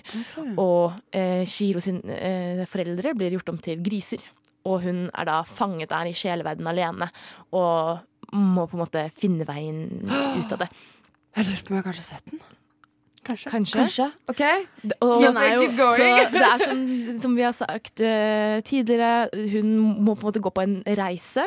Både fysisk reise og emosjonell reise. Fordi hun starter med å på en måte være en litt sånn apatisk eh, Ganske sånn litt- sytete. Litt sy ja, veldig sytete. Eh, ja. eh, Typisk tiåringen. Ja. Ja, en tiåring, liksom. Tiåring. Mm. Og, eh, men så nå er hun, må hun ta ting i sine egne hender og eh, har ikke noe annet valg enn å begynne å jobbe på det badehuset. Eh, men så er det et sånt tidsaspekt, for at hun har nødt til å komme seg hjem før hun blir fanget der for alltid. Og eh, ja. Så møter hun noen eh, wacko karakterer på veien, som man ofte gjør i. Miyazaki-filmer og i fantasy generelt. Som bare er alle sammen utrolig fine og flerdimensjonelle og søte. Eh, Fordi det er liksom sånn Det som er utrolig fint med Miyazaki, da, det er liksom ikke ondt og godt. Det er aldri liksom de der kjempeharde linjene mellom at det, Sånn som hun som driver Heksen som driver det Yuba. Yubaba. Yubab, Yubaba. eh, og andre karakterer som du først er sånn Å, de er onde. Og så er Det er som det litt mer er så flott med den, er jo at hun på en måte reiser inn og kommer seg gjennom alle disse strabasene ved å bare på en måte være en uskyldig tiåring som gjør så godt hun kan. Hun Mm. holder veldig sterkt på seg selv og den hun er, og samtidig så vokser hun som menneske. Og det er jo veldig sånn eh, Studio Ghibli-filmer er jo veldig sånn symbolske uh, filmer, samtidig som de kan bli sett som for bare det de er. Så samtidig så har de veldig sånn ofte underliggende tematikker og symbolske ting. Og jeg liker veldig godt at denne er sånn veldig sånn dannelsesreisefilm, Mm. hvor den er veldig symbolsk. Hun går gjennom denne tunnelen og får en kontrakt for å jobbe for Yubaba, som tar navnet hennes, og liksom beholder navnet hennes, sånn fysisk.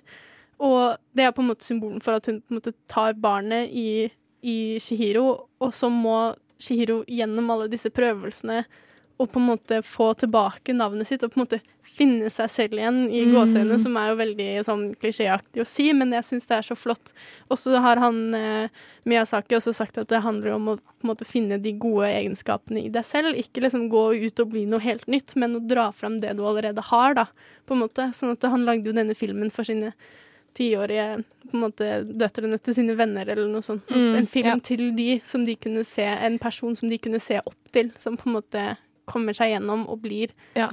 Så det er jo på en måte reisen fra barn til voksen. Og han har jo også sagt, og det er egentlig derfor jeg liker den så godt, for jeg så den da jeg var barn. Mamma tok den med og var sånn, det her skal være skikkelig skjønt. Og så så var jeg sånn, hva fader, asiatisk film, vet ikke hva det er. Og så så jeg den og var bare sånn, fordi at i motsetning til veldig mye Disney-filmer som var på den tiden, så uh, med kvinnelige hovedkarakterer, så handlet ikke dette om en prins eller en jente som skulle Ja, finne seg en sant. prins Ja, og som bli forel var forelska, ikke sant? ja. Det her handler om uh, en jente som bare er en jente som Mm. gjør en ting, jo- og det er dritkult. Det er jo på en måte også her en tematikk om at den sterke kjærligheten er det som får deg igjennom, men det er ikke kjærligheten til en person. Det er Romantisk kjærligheten til naturen og, Mm. og de verdiene vi har rundt oss, som er den sterkeste kjærligheten. Nei, jeg har jo ikke sett den her. Jeg kan ikke skjønne hvorfor jeg ikke har sett den. Fordi jeg var jo eh, veldig stor fan av eh, Jeg kaller det anime. Anime. Var, ja.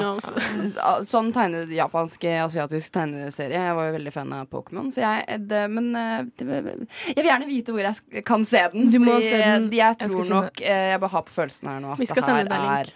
En eh, film som eh, ikke bare jeg kommer til å like, men som, som bare er generelt en veldig god film. Det høres veldig sånn, eh, sånn ut. Og så er det jo sånn fantasimessig så er det jo også bare en helt fantastisk fantasyfilm. Det er så på en måte pur fantasi. Det er så veldig sånn barnlig fantasi. Og den, er liksom ikke, den følger ikke reglene til andre fantasifilmer, men du er på en måte helt med. Og så tenker du kanskje at dette foregår inni hennes hode, på en måte en sånn barns fantasi, men så er det ikke det. Det er på en måte noe som faktisk skjer. Så ja. Jeg bare Jeg syns dette er liksom fantasi av ypperste klasse, da. Ja. Helt enig. Og helt på tampen, ja. eh, kanskje jeg kan innlede neste sang. Okay. Fordi noe av det som er helt utrolig med eh, ja, alle Miyazaki-filmer, men jeg har et spesielt eh, kjærlig forhold til musikken i Spirited Away.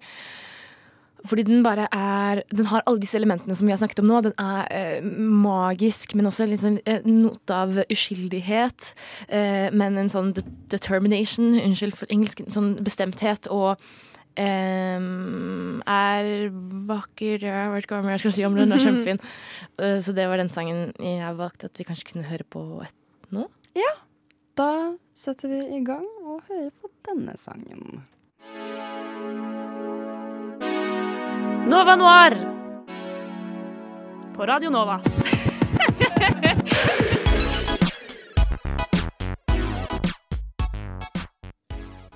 Funky. Yes, Nå skal vi eh, bryte litt opp her, eh, og, men fortsatt være i den eh, magiske verden. Kanskje enda litt eh, mer magiske verden, faktisk. For vi skal nemlig ha en Harry Potter-quiz. Eh, der vi nemlig skal finne ut av eh, hvem eh, av karakterene vi er. Altså vi i dette rommet. Vil du forklare, Hedvig, siden det var du som fant, eh, fant denne leken for oss?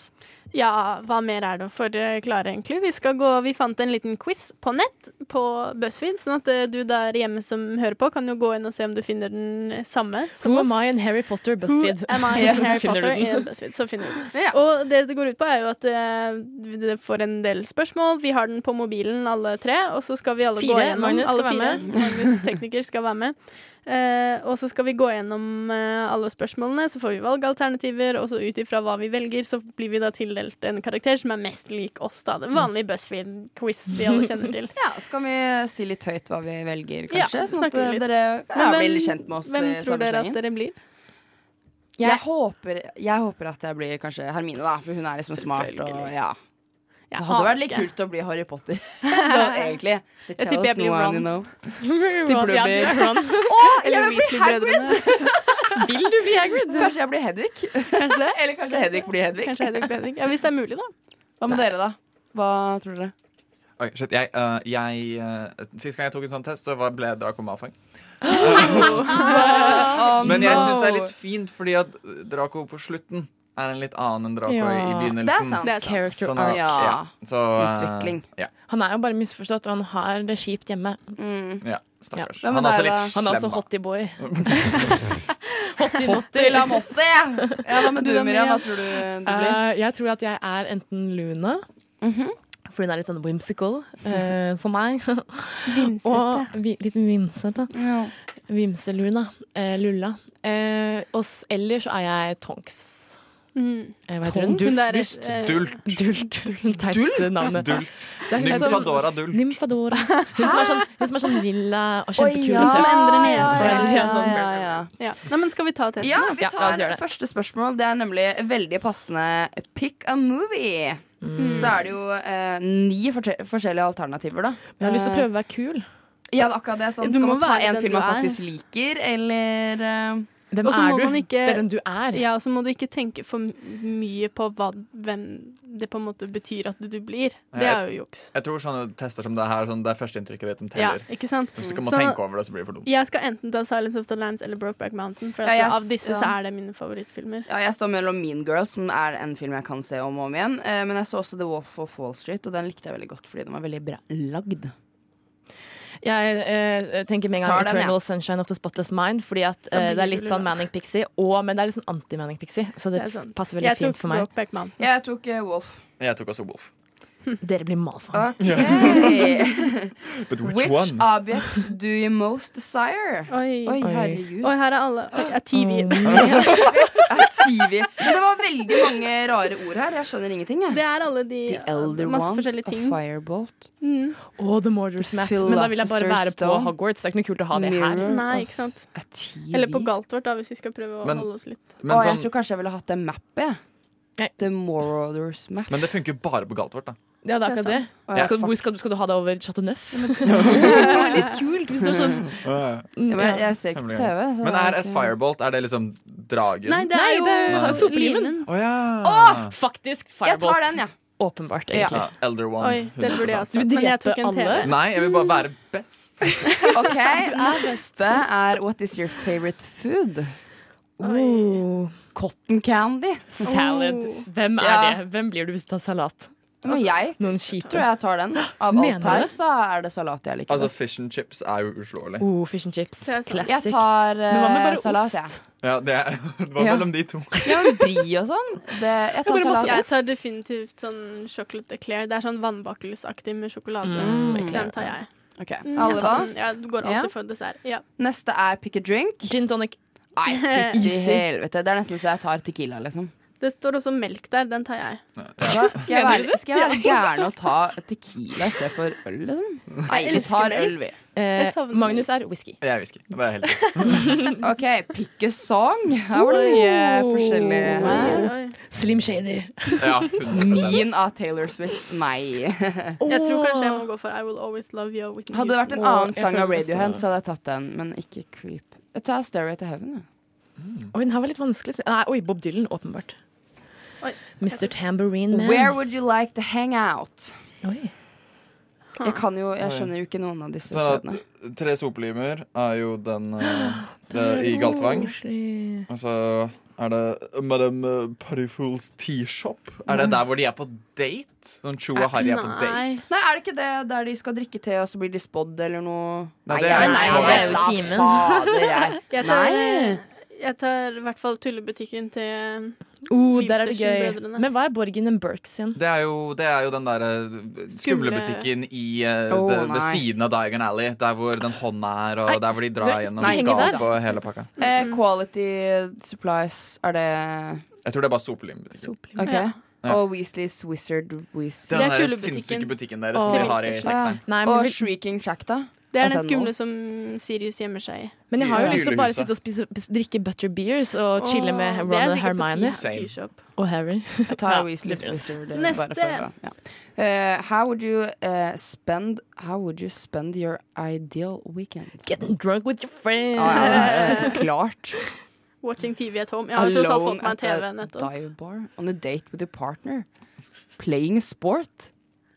Partying at the fancy club. The, mm, Jeg tar Watching TV at home, ass. ja. ja. jeg sa det med tullestemme, men jeg mente getting drunk with your friends. Jeg også har litt lyst til å bare ta at Jeg klarer ikke bestemme meg. Så det er det som er det morsomste i hele verden, er det ikke det? Bare sånn gå og bli full med vennene sine. Jeg tar Jeg vet party, er at the fancy club, tar jeg. For jeg syns det. Ja, ja, ja. okay, bra. Jeg har i hvert fall valgt det. Your ideal partner is someone who Values your intelligence. Er det sånn uh, is funny? Oh, den er It's really protective. Hates the same things as you. Mm. Mm, Someone who doesn't exist. Gives you space. Inspire you is really protective. doesn't exist. Jeg tar uh, you're comfortable with, Fordi da Jeg tar kan jeg være selv, og da er det gøy. jeg tar- eh, Hva sa du? Idolizes Me. Oi, okay, Ok, vil- jeg vil det er veldig mange spørsmål igjen, så jeg lurer på om vi må ta det så- ok, vent skynde da. oss. Inspires you. Hei, vet du hva, Magnus? Jeg tror vi er samme person. Er OK, pick a potion. Og Polyjuice 100 Hva, oh, hva er, kan kan vi ta en sånn Hva er hva her? Ja, det er så lenge siden jeg har sett her. Okay, Ok, så uh, uh, Felix Felicia, Det står i parentes under også hva de gjør. Men Ja, det er uh, liksom liquid luck, så du liksom drikker den, og så går alt bra den dagen. Og så har du love potion, som basically er sånn er noen drikker den, og så blir de forelsket i Ah. den personen Ah. som potion er ment for. Er på en måte Uh, Draft of peace, jeg føler den sier seg selv. Uh, Witch sharpening potion. Oh. ja, with ja, Den blir- trenger ikke jeg. Altså, vi har allerede Ritalin, så hvem trenger Will Sharpening? Ja. Det Jeg sharpening? tar Du kan ikke si det på radio. Og polyjuice. Jeg tar. Polyjuice gjør at du kan forandre deg til Ja. en annen person. Det er jo det som han professoren Yes. bruker i. Yes. Ja, men det What er do you prefer reading? Oh. Her var det bare sånn herre ja, Selvfølgelig står det Buff. The New York. Sports. Uh, Illustrated. Å ja, oh, ja, nei, det er ekte. Det er ekte. Ja. Jeg trodde Ja. det var fra verdenen. Hva er det som er litt sånn gossip eh, her, da? Gå- Village. BuzzFeed. BuzzFeed. Ja, okay, Jeg føler at sånn. Gawker føler litt så, er liksom Se og Hør-aktig navn, i hvert fall. Ja. Ja, det er sant. Jeg okay. ville gått for Rolling Stone. Uh, pick a magical Mm, creature. Hvorfor er det ikke Er det noen Ja, Crumple Horn uh, Snore. Det er drage, ikke sant? Ja. Burde jo ta den. Eh, Du er drage. Hippogriff, er det den derre Jeg tar centaur, i hvert fall. Er det den som, det er den som med flyr? vinger. Å, men jeg har lyst på den, ja. Oi, shit, her var det, For den derre Crumple gode. Horn Snore Cack, den er vel eh, litt slem. Jeg ville kanskje hatt Hvilken? De er ikke Her var det mange kule. Jeg tok. Du, ja, ja. Ugle eller kentaur? Ugle Jeg vil ha alt! Klarer ikke å bestemme meg. Centaur. Nå har jeg snakka om drager så lenge. Okay, Det- jeg du får ikke ha den. Du må velge den som er best. Å ja. Det, ja. skal, altså, det, er, det er ikke en drage. Dette Ingen- er uh, The Crumple Horde Snark. Å nei, gud, det er bra jeg ikke tok den. Ok, Ingen, kan vel, ingen kan eie en centaur, okay, uh, for eksempel. Det men det er de siste som er. Pick a TV-show. Girls. Det kommer en gang. Game of Thrones. Sherlock. Jeg må Oi. ta girls. Jeg er kjempefornøyd. Ok, Vil du begynne, da? OK, sorry. Oi, Jeg begynte. Ja, du begynte. Jeg er uh, uh, uh, Serious Black. Oi. Oh. Oi, okay. det er Det veldig jeg, bra. altså, altså, er det sånn You're moody, cocky and confident. Eh, Oi, det er deg! Så Ja, det, Luna. og så er det en fin beskrivelse her også. Det er sant. You're free-spirited, quirky, and you love to daydream. Your honestly, uh, your honesty, individuality, and attitude towards life is refreshingly insightful. Jeg føler det passer veldig bra. Quirky. Og din, da, Liv? Jeg fikk Ron Weasley.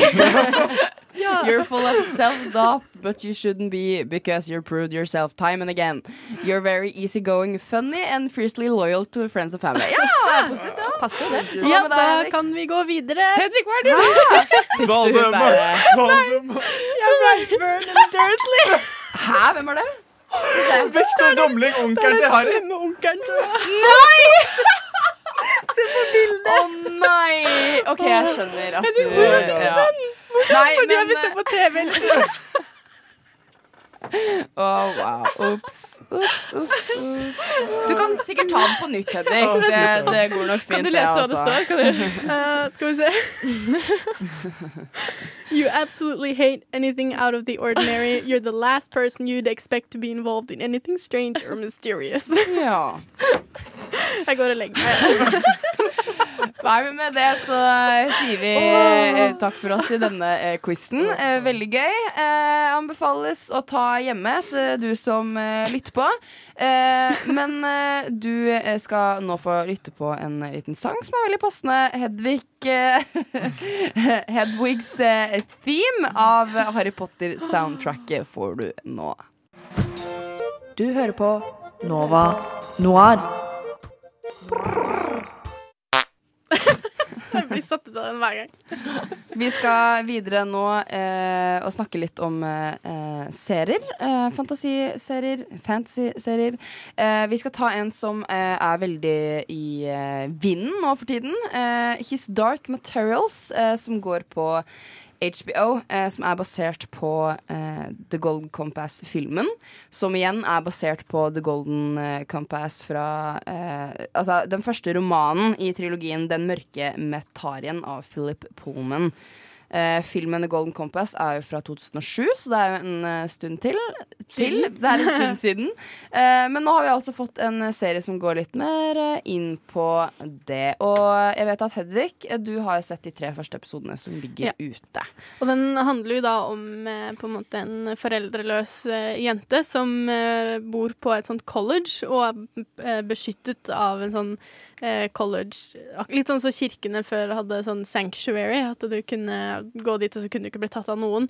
Så har hun sånn sanctuary der, og de har også De eh, bor i en verden i på en måte England, i Oxford, hvor um, det er magi som på en måte er den styrende makten, virker det som. De har et sånt magist... Ma, jeg klarer ikke å si det på norsk. Altså, Istedenfor et minis, ministeri, så har de et magisteri, Ja, på en ja, måte.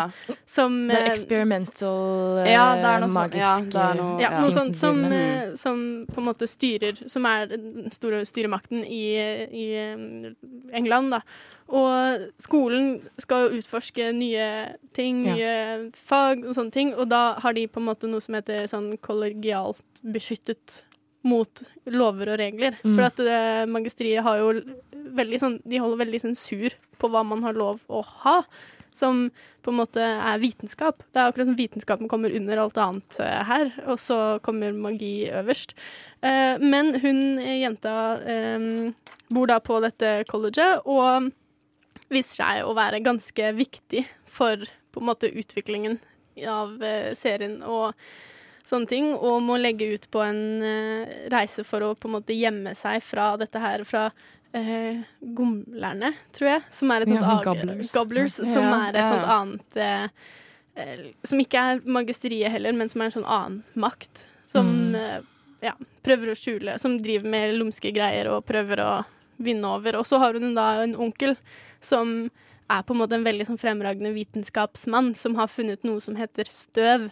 Eh, som skjuler andre verdener, mener han. Og det er jo på en måte det som det her magisteriet og gomlerne prøver å legge skjul på, da, og ikke vil at han skal fortsette å utforske.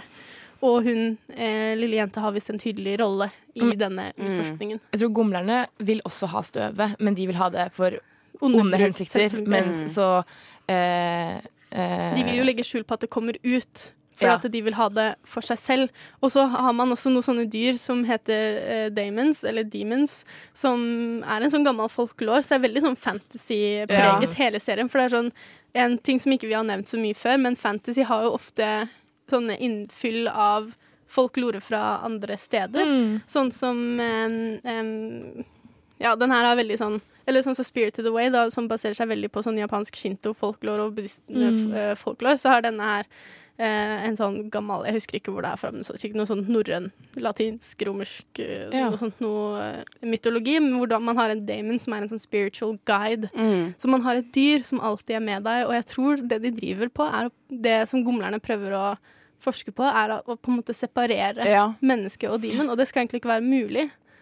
Nei. Så jeg tror det er det, og lenger har jeg ikke kommet. Lenger har ikke serien kommet. Nei, det er bare tre episoder som ligger ute. Men det her er jo det jeg liker aller best. eh, Fordi at det her er noe jeg har veldig lyst på selv. Bare en sånn Et liten eh, ja, Som kan liksom skifte litt form en gang iblant. Og ja, nei, det, det var det jeg liksom Det er det jeg husker best fra hvis jeg skal liksom si Ja, The Golden Compass. Det er når de ungene har liksom et dyr ved siden av. seg. Ja, fil filmen? Ja, Ja. det er sånn jeg kunne ønske det var sånn i virkeligheten. Men, eh, men ikke det at man skal liksom prøve å skille de og sånn. Eh, nå vet du ikke vi om det er liksom helt det samme som i filmen og boka. Jeg har ikke jo sett filmen eller lest Jeg tror Mm, at serien sett- skal ja. eh, holde seg ganske tro til Ja, det, det hadde vært litt rart. Men jeg håper på en måte at det kanskje er noe litt mer ekstra, litt mer sånn Ja, mer- kanskje. Fett å ta i, hvis jeg kan si det sånn. At det ikke bare er det samme som i boka, at, nei, i uh, filmen, for da er det jo kanskje litt sånn unødvendig. Ja, men den filmen er jo bare basert på den første boka, så da går de sikkert videre Ja, det eh, kan til godt hende at eh, bøkene. Ja, kanskje det. Mm. Men det er veldig lenge siden jeg har sett filmen. Dette her er jo liksom prime eksempel på familiefantasi. Mm. Det er igjen en ung jente som må legge ut på en reise. Litt som man sånn kan utvalgt, kanskje. til. Ja, den, litt den utvalgte The Special One som vi Mm. snakket om tidligere. Som på en måte har evner som hun må finne fram inni seg selv, som hun ikke vet om ennå. Og det syns jeg det er veldig sånn Og så er det jo magi i, eh, hun, i det her magisteriet. Det er jo magi som styrer verden. Her er jo magi over vitenskap, som de syns liksom definerer Mm. Fantasy, på en Mm. måte. Så ja. Det som også er litt kult med den, er at uh, den jo, har jo på en måte definitivt sånn politiske og religiøse undertoner, som er eh, Nå har jeg ikke lest noe på det, men det er vel, slik jeg har oppfattet det frem til nå, en allegori på kristendommen og Helt sikkert. Og den der kampen Ja, mellom statsmakten. Ja, Ja, Eh, Ja, eh, reformasjonen nesten. Mm. Eh, nei, kanskje ikke reformasjonen, Men og eh, det er, de snakker jo også om kriger og Det er liksom kult at de har For dette er jo et parallelt univers med vårt. Fordi de befinner seg jo i Oxford Mm. eh, og London. Ja, som er et ekte Som er jo ekte Ja. sted. Men det er jo en Eh, annen det, som, det er jo litt kult, for at det er jo en der som kan Som gomlerne vet tydeligvis veldig godt om disse her andre verdenene. Og Mm. det er en av de som kan gå igjennom til flere verdener. Oh, ja. Og da får vi se at han på en måte kommer til vanlig Til verden. vår verden, ja. Og det syns jeg var så godt laget. Og det er selvfølgelig det første de viser, er at folk scroller på mobilene sine, og at han må ta fram en mobil for å være del av vår verden. Ja. En det liten samfunnskommentar. Nei, men det er, jo, det er jo kanskje noe å anbefale. Jeg syns kanskje det er litt sånn innvikla. Jeg liksom klarer Mm. ikke Nei, litt sånn, sånn, sånn som jeg syns er i Game of Thrones. At det er liksom litt mye som skjer, veldig mange karakterer. Det er litt sånn her man, man må virkelig følge med. Man kan ikke liksom sitte på mobilen eller spise tygge potetgull eller ja. For man må liksom høre og se hva som skjer. Du må absolutt følge med, men det, jeg liker den veldig godt. Jeg syns den er veldig spennende. Men Mm. aller, det har vært tre episoder, og det er fortsatt veldig mye uoppklart. Ja, det er, Sånn, ja, Jeg jeg, vet på. ikke hva greia med Lyra er. Nei. Du vet ikke hva jeg, jeg, Det er så mye her jeg ikke vet, men jeg, skjønner, jeg håper de på en måte kommer inn på dette her senere. At, det er liksom, at, det er ten, at de bygger spenning. At det er det de driver med. For ellers så må den rykke ganske langt ned på lista. For at det, det er liksom noe veldig uoppklart. Det er liksom uoppfordret, det hun holder på med, da. Men det er jo på en måte eh, en refleksjon på hvordan hun er. Sånn, det er jo veldig uoppklart for henne også. Hun vet ikke selv hvem hun er, og liksom mm, potensialet hun har, og hvem folkene rundt henne er egentlig heller. Hun har liksom bare vokst opp med masse sånne professorer som driver og forteller henne akkurat det de Så, hun, så jeg tror den forvirringen vi føler, er på en måte fordi Ja, at hun også føler den samme Da har de på en måte ikke gjort det tydelig nok at det er det det er. For det, er bare, det føles ut som det er noe av historien som ikke er oppklart ennå. Men det er det ikke, akkurat som de jeg har det Ja, og det håper jeg at kommer. Eller jeg har lest bok, eller driver og leser boka nå, og jeg tror jeg har kommet et stykke lenger enn det Mm. serien har kommet. Og ja, det kommer til å komme. Ja. Mm. Og så er det James McAvoy. James McAvoy. Nei, Vi får fortsette å se på eh, serien, og så kan vi kanskje komme tilbake til eh, Ja, kanskje etter jul, hva vi syns om eh, serien eh, når den sikkert Det er lover godt, eh, i hvert ferdig. Ja.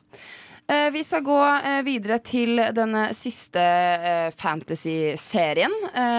Nå om et lite øyeblikk, men før det så skal vi høre på en liten sang. Her kommer May Ra Key med låta Yka.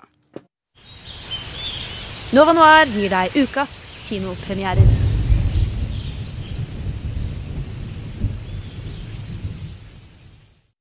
Kinopremierer og kinopremierer. Du hører på Oi, Nova Noir eh, med Liv, Hedvig og Miriam. Vi skal nå ta fatt i vår eh, aller siste serie her i fantasiverden. Og Miriam, du kan få lov til å fortelle hva den handler om.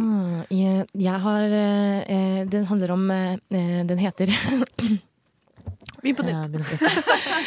Eh, igjen så har jeg lyst til å representere tegne- eller animasjonsverdenen. Og uh, ikke den, denne gangen ikke fra Asia, men fra Amerika, eller USA. Hvor uh, Og den heter Avatar The Last Airbender. For ikke å forveksle med enten James Cameron-filmen med de blå folka, som er egentlig Pocahontas eh, Inspirerte.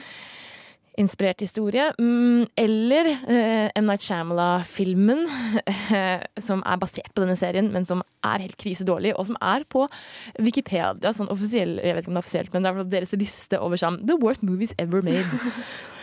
Men serien, for det som er synd med at den filmen var så dårlig, er at den på en måte svertet litt ryktet til serien, tror jeg. For mange tenker på den når de tenker på Avatar The Last Airbender, men den serien er så utrolig, utrolig bra, og den har en enorm sånn fanskare på nett, og Um, den uh, handler jo da om Det er et uh, univers uh, hvor man har fire nasjoner Oi, unnskyld. Fire nasjoner som er de forskjellige elementene. Så det er sånn Fire Nation, Water Tribe og Earth.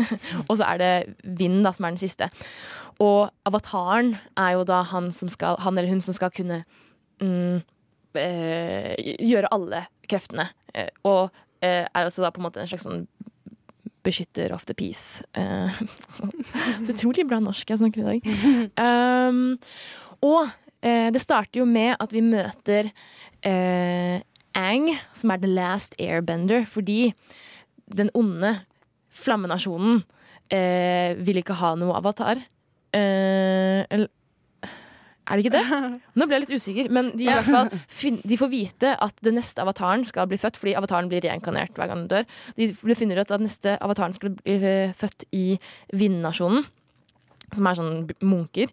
Eh, og derfor så dreper de alle airbenders. Ok.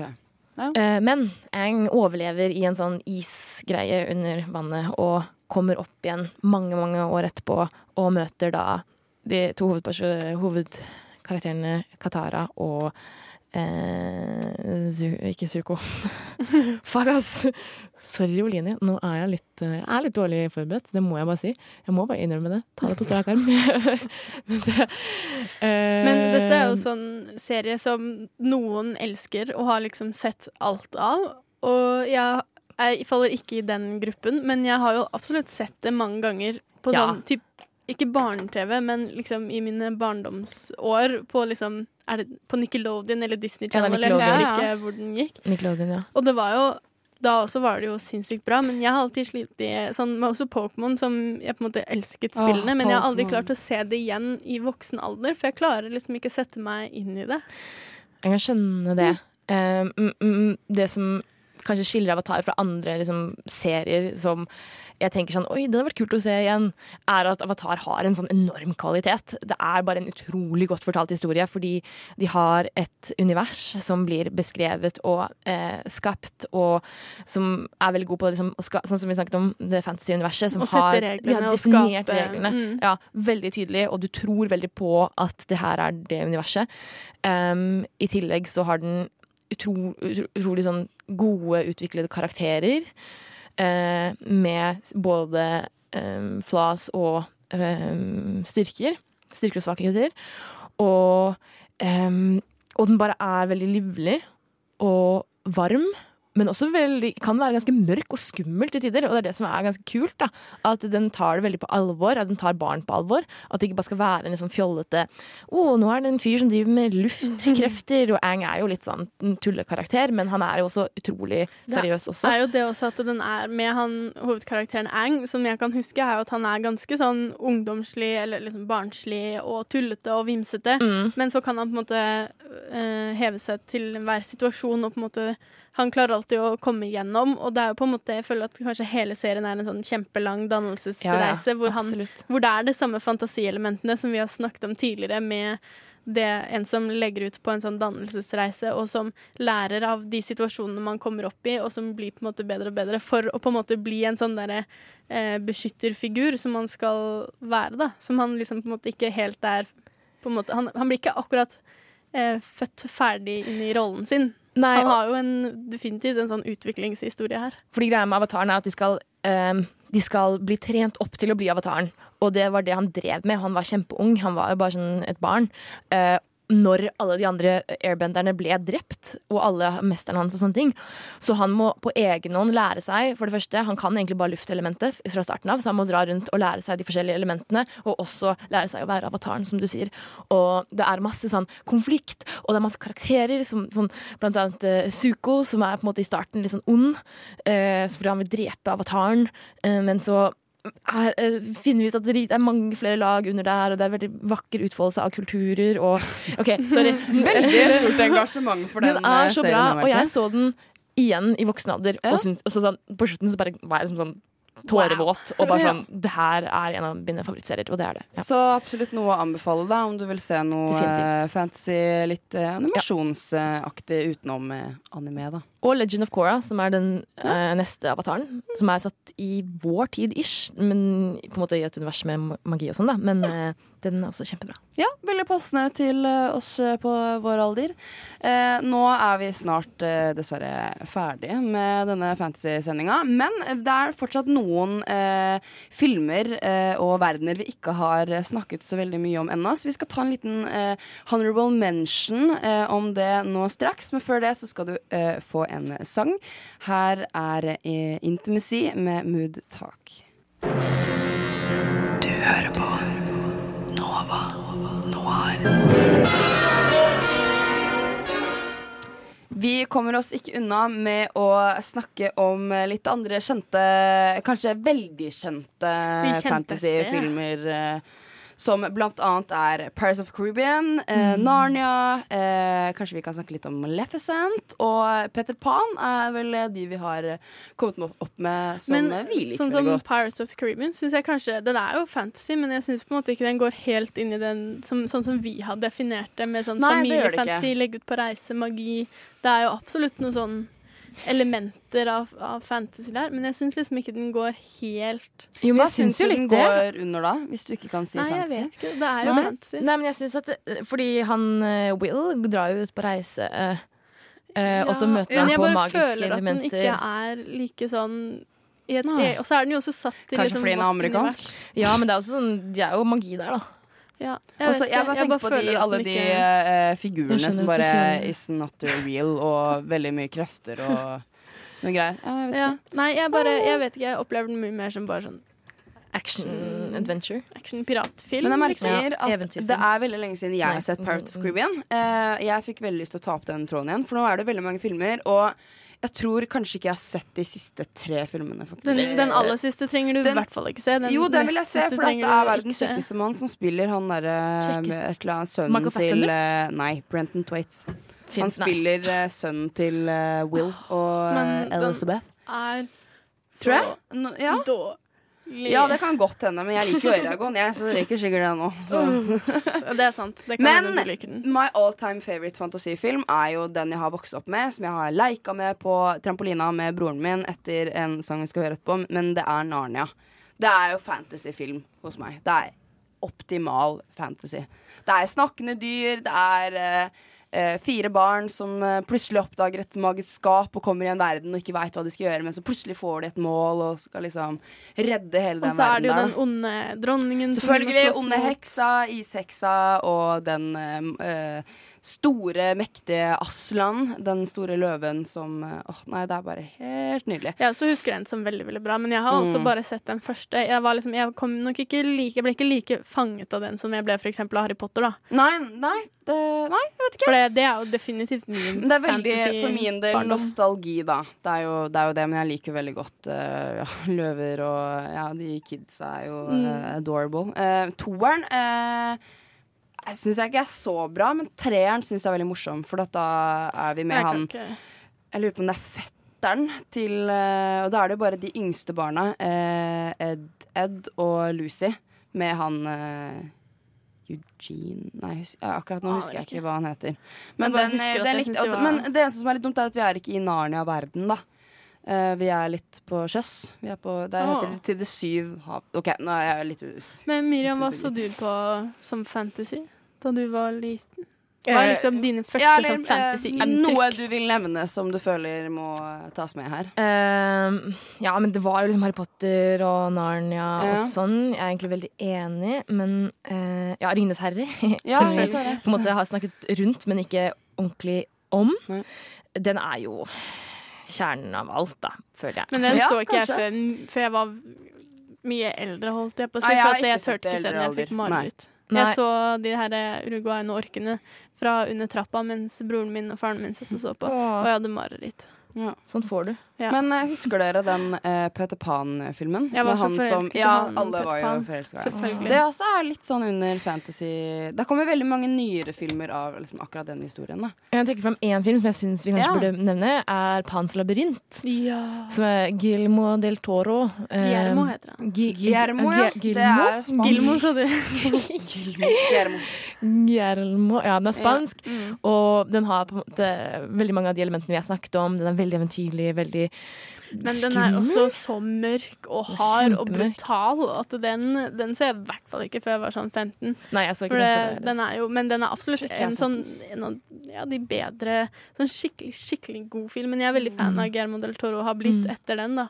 For jeg Mm. syns jo han er fantastisk. Men altså, hvem fikk ikke mareritt av det monsteret med øynene i hendene sine? Ja. Det var jo det verste. Eller det skin, ja, det skin-monsteret, eller hva han heter. Men uh, føler dere at uh, de fantasyfilmene kanskje begynner å ikke dø ut, men at det kanskje er litt mindre av det nå til dags enn det det var i f.eks.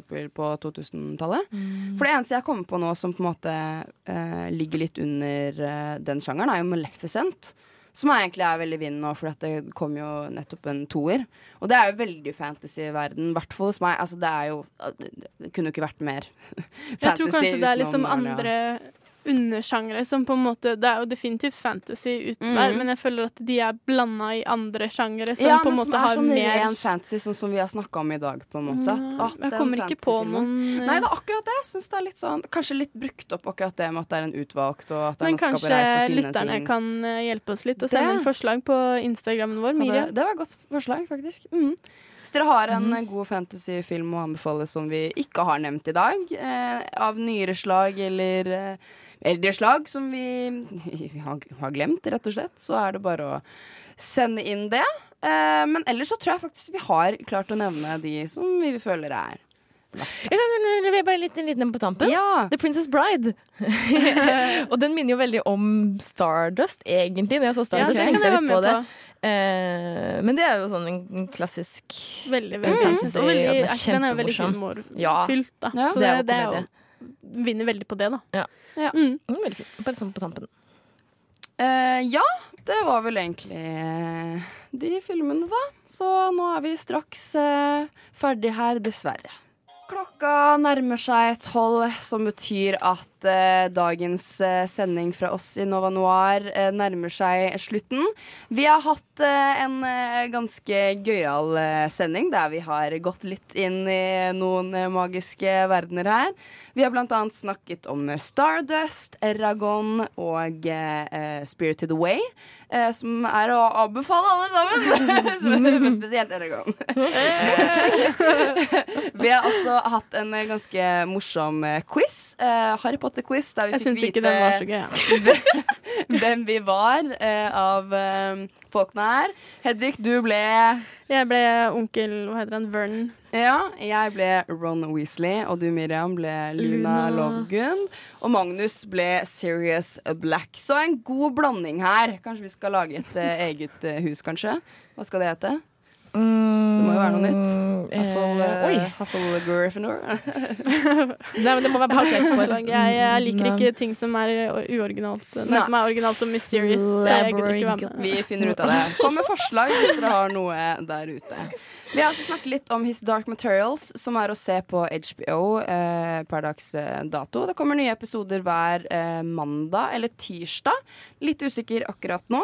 Vi har også snakket litt om eh, det vi mener er honorable mentions, men som vi likevel ikke har hatt helt eh, tid til å eh, dedikere et helt stikk til.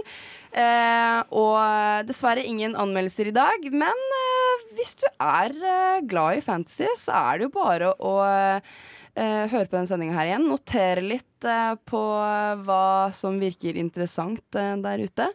Eh, aller eh, nå, helt til slutt, så eh, må jeg faktisk sette på den fineste filmsangen, i hvert fall i mine øyne, eller mine ører, nemlig fra filmen Narnia. For å avslutte denne sendingen på riktig måte. Eh, jeg har vært Liv Ingrid Bakke sammen med Hedvig Bø.